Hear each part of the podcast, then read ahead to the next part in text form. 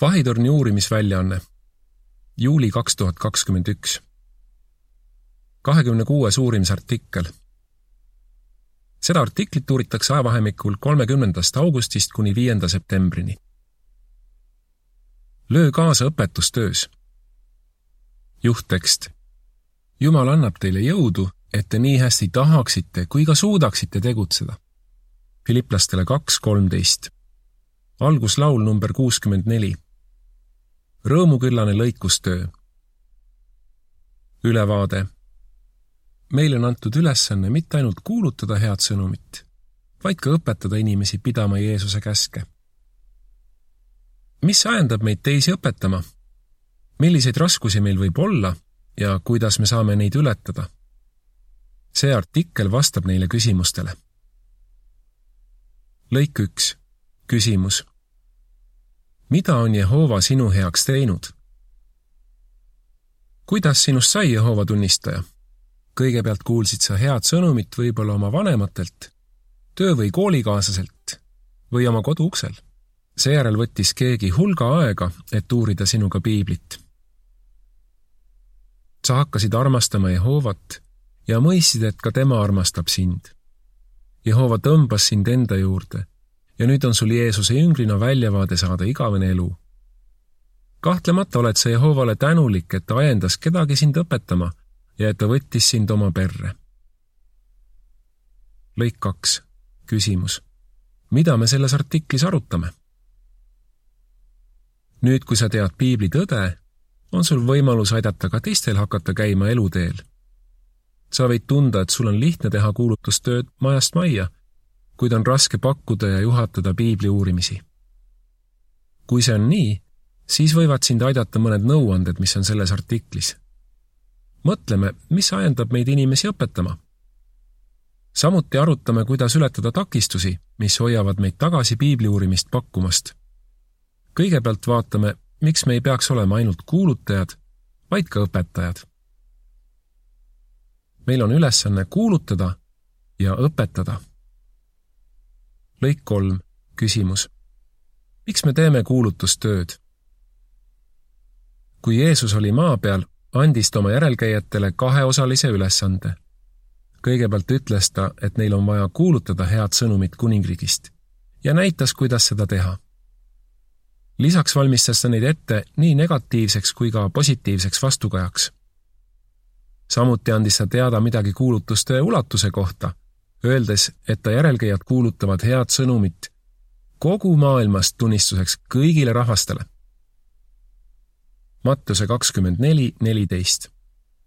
sõltumata inimeste vastukajast pidid Jeesuse jüngrid rääkima Jumala kuningriigist ja sellest, mida see korda saadab. lõik neli, küsimus. mida me peame tegema lisaks hea sõnumi kuulutamisele? mis oli Jeesuse antud ülesande teine osa ta ütles oma järelkäijatele, et nad õpetaksid inimesi pidama kõiki tema käske. kuid kas seda pidi tehtama ainult esimesel sajandil, nagu mõned väidavad? Jeesus andis mõista, et seda tööd tehakse selle ajastu viimsete päevade lõpuni. tekstis Mattuse kakskümmend kaheksa, kaheksateist kuni kakskümmend on kirjas. Jeesus tuli nende juurde ja ütles neile kogu võim taevas ja maa peal on antud minule. seepärast minge ja õpetage inimesi kõigi rahvaste hulgast, et nad saaksid mu jüngriteks. ristige neid isa, poja ja püha vaimu nimesse ning õpetage neid pidama kõike, mida mina teid olen käskinud. ma olen iga päev teie juures kuni selle ajastu viimsete päevade lõpuni. ilmselt andis Jeesus selle ülesande siis, kui ta ilmus oma viiesajale järelkäijale ja Johannesele andis Jeesus ilmutusest teada, et ta tahab, et kõik tema järelkäijad aitaksid teistel õppida tundma Jehovat. lõik viis, küsimus. millega võrdles Paulus kuulutamist ja õpetamist? Apostel Paulus võrdles inimeste õpetamist taime kasvatamisega. ta andis mõista, et me peame tegema midagi rohkemat kui vaid istutama kirjakohas esimene korintlastele kolm, kuus kuni üheksa ütles Paulus. mina istutasin, Apollos kastis, aga Jumal andis kasvu. niisiis ei kuulu au mitte istutajale ega kastjale, vaid Jumalale, kes annab kasvu. istutaja ja kastja töötavad ühtsuses ning kumbki saab tasu oma töö järgi. meie oleme Jumala kaastöölised. Teie olete Jumala põllumaa, Jumala ehitis. Jumala kaastöölistena me mitte ainult ei istuta, vaid ka kastame ja jälgime regulaarselt taime kasvu. samas me mõistame, et Jumal on see, kes annab kasvu. lõik kuus, küsimus. mida on meil õpetajatena vaja teha? me otsime neid, kes on valmis vastu võtma tõde.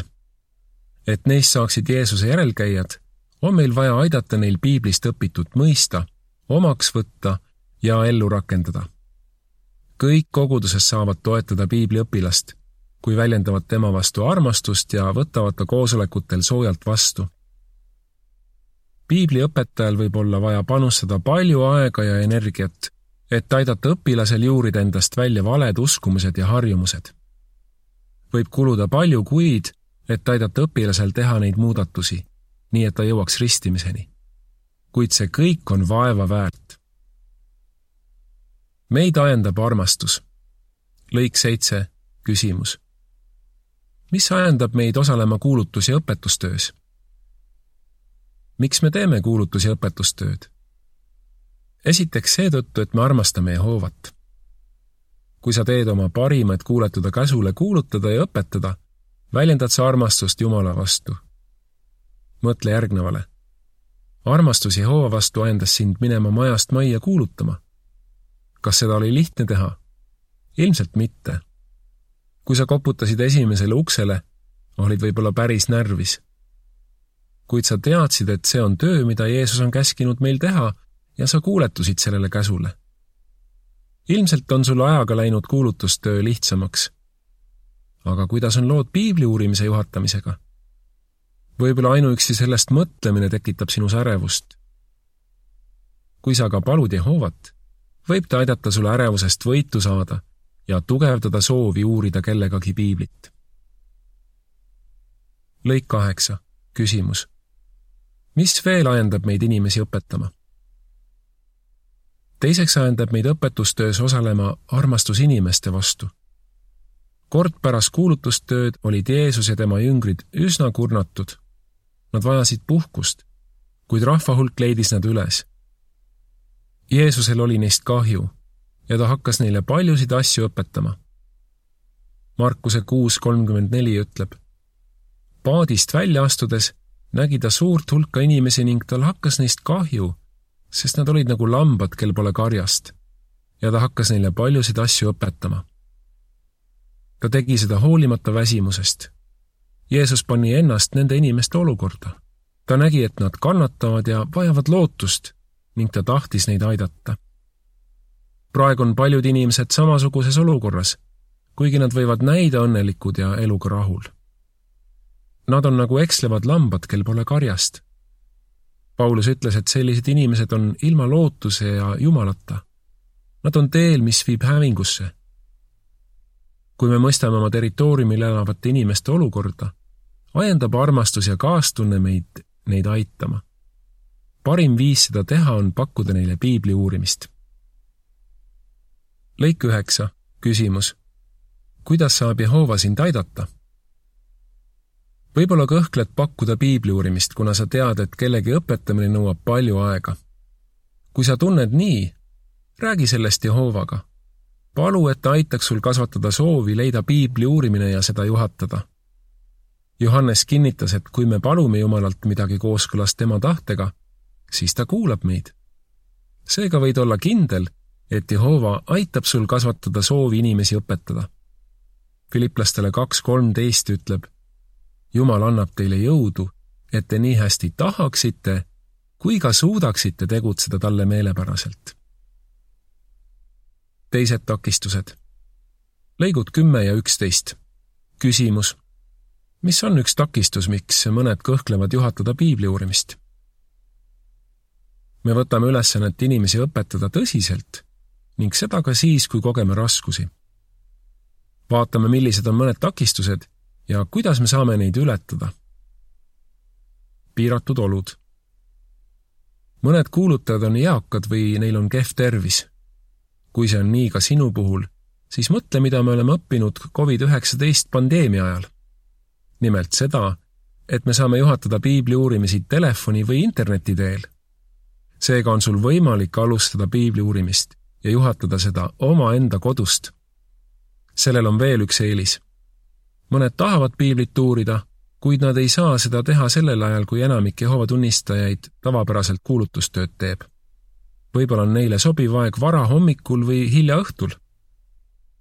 kas sinul oleks võimalik uurida nendega sellistel aegadel? Jeesus õpetas Nikodeemost öösel, kuna too eelistas just seda aega. Lõik kaksteist. küsimus. millised mõtted võivad anda sulle enesekindlust? kartus, et ei oska piibli uurimist läbi viia.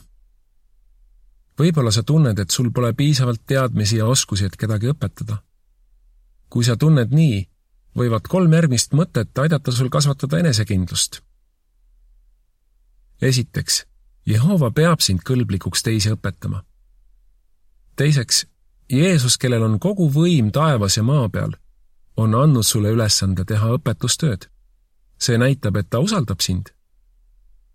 ja kolmandaks, sa võid paluda teiste abi. Jeesus rääkis seda, mida isa oli talle õpetanud ja sama võid teha ka sina. näiteks võid sa kuulutustöögrupi ülevaatajalt mõnelt pioneerilt või kogenud kuulutajalt paluda, et aitaks sul alustada piibli uurimist ja seda juhatada. Üks võimalus saada enesekindlamaks on olla uurimise juures, mida keegi neist juhatab. lõik kolmteist, küsimus. miks on meil vaja uuendustega kaasa minna? ebakindlus uute meetodite ja õppevahendite suhtes. nüüd on muutunud see, kuidas me juhatame piibli uurimisi meie peamine õppevahend on väljaanne Mõttekas elu nüüd ja igavesti. See eeldab, et me valmistume piibli uurimiseks teisiti, kui me varem seda tegime. kuna me loeme uurimise ajal vähem lõike, on meil vaja rohkem piibliõpilasega arutleda. õpetades me kasutame rohkem videoid ja meie veebisaiti ning rakendust J2V Library. kui sa pole harjunud kasutama neid vahendeid, palu kellegi abi inimesed on oma harjumuste orjad. ei ole lihtne minna uuendustega kaasa. Aga Jehova ja usukaaslaste abiga võid sa kohaneda ja kellegi õpetamisest lausa rõõmu tunda. üks pioneer ütles, et see õppemeetod on värskendav nii õpilasele kui ka õpetajale. lõik neliteist, A küsimus. mida oleks hea meeles pidada, kui meie territooriumil on raske leida piibliõpilasi? B küsimus kuidas julgustab meid kirjakoht esimene korintlastele kolm, kuus ja seitse? Territoorium, kus on raske leida piibliõpilasi. mõned inimesed ei ole heast sõnumist huvitatud või on lausa sellele vastu. mis aitab meil hoida positiivset suhtumist oma territooriumisse? me teame, et inimeste olukorrad võivad kiiresti muutuda ja need, kes varem polnud huvitatud, mõistavad nüüd, et nad vajavad Jumala juhatust mõned, kes on alati keeldunud kirjandust vastu võtmast, on nüüd valmis piiblit uurima. Samuti me teame, et Jehova on lõikuse isand. ta tahab, et me jätkuvalt istutaksime ja kastaksime, kuid tema on see, kes hoolitseb kasvu eest. isegi kui me ei saa praegu juhatada ühtegi piibli uurimist, on hea teada, et Jehovale pole kõige olulisemad mitte meie tulemused, vaid meie pingutused. rõõm õpetustööst lõik viisteist, küsimus. mida tunneb Jehova, kui keegi hakkab piiblit uurima ja tegutseb õpitu järgi? Jehova on rõõmus, kui keegi võtab piiblitõe omaks ja hakkab seda ka teistega jagama. ta tunneb suurt rõõmu, kui näeb, mis praegusel ajal korda saadetakse. näiteks oli meil eelmisel teenistusaastal hoolimata pandeemiast seitse miljonit seitsesada viis tuhat seitsesada kuuskümmend viis piibli uurimist ning kakssada nelikümmend üks tuhat üheksasada üheksakümmend neli inimest pühendusid Jehovale ja lasid end ristida. Need uued Jehova teenijad osalevad nüüd ka ise õpetustöös. Jehoval on hea meel, kui me seda tööd teeme. lõik kuusteist. küsimus. mis eesmärgi võiks iga kuulutaja endale seada? inimeste õpetamine on kõva töö kuid Jehova abiga saame aidata huvilistel hakata armastama meie taevast isa. kas sa võiksid seada endale eesmärgiks saada vähemalt üks piibli uurimine? Sa võiksid igal sobival võimalusel kelleltki küsida, kas ta sooviks hakata sinuga piiblit uurima. tulemused võivad sind üllatada. sa võid olla kindel, et Jehova õnnistab sinu pingutusi. lõik seitseteist, küsimus. mida me kogeme, kui uurime kellegagi piiblit? meil on imeline võimalus kuulutada ja inimesi õpetada. see töö toob palju rõõmu Paulus, kes aitas paljudel Thessalonikas saada Jeesuse jüngriteks, väljendas oma tundeid öeldes. kes on meie lootus, rõõm ja aupärg meie isanda Jeesuse ees tema kohaloleku ajal? kas mitte teie? jah, teie olete meie au ja rõõm. esimene Thessaloniklastele kaks, üheksateist, kakskümmend. paljud tunnevad samamoodi. Stefani, kes on koos oma abikaasaga aidanud paljudel jõuda ristimiseni, ütleb Pole suuremat rõõmu, kui aidata inimestel hakata Jehovat teenima. kuidas sa vastaksid? miks on meil vaja olla kuulutajad ja õpetajad? mis ajendab meid osalema õpetustöös? milliseid takistusi võib meil olla piibli uurimiste alustamisel ja kuidas neid ületada? lõpulaul number viiskümmend seitse. kuulutame kõiksugustele inimestele. artikli lõpp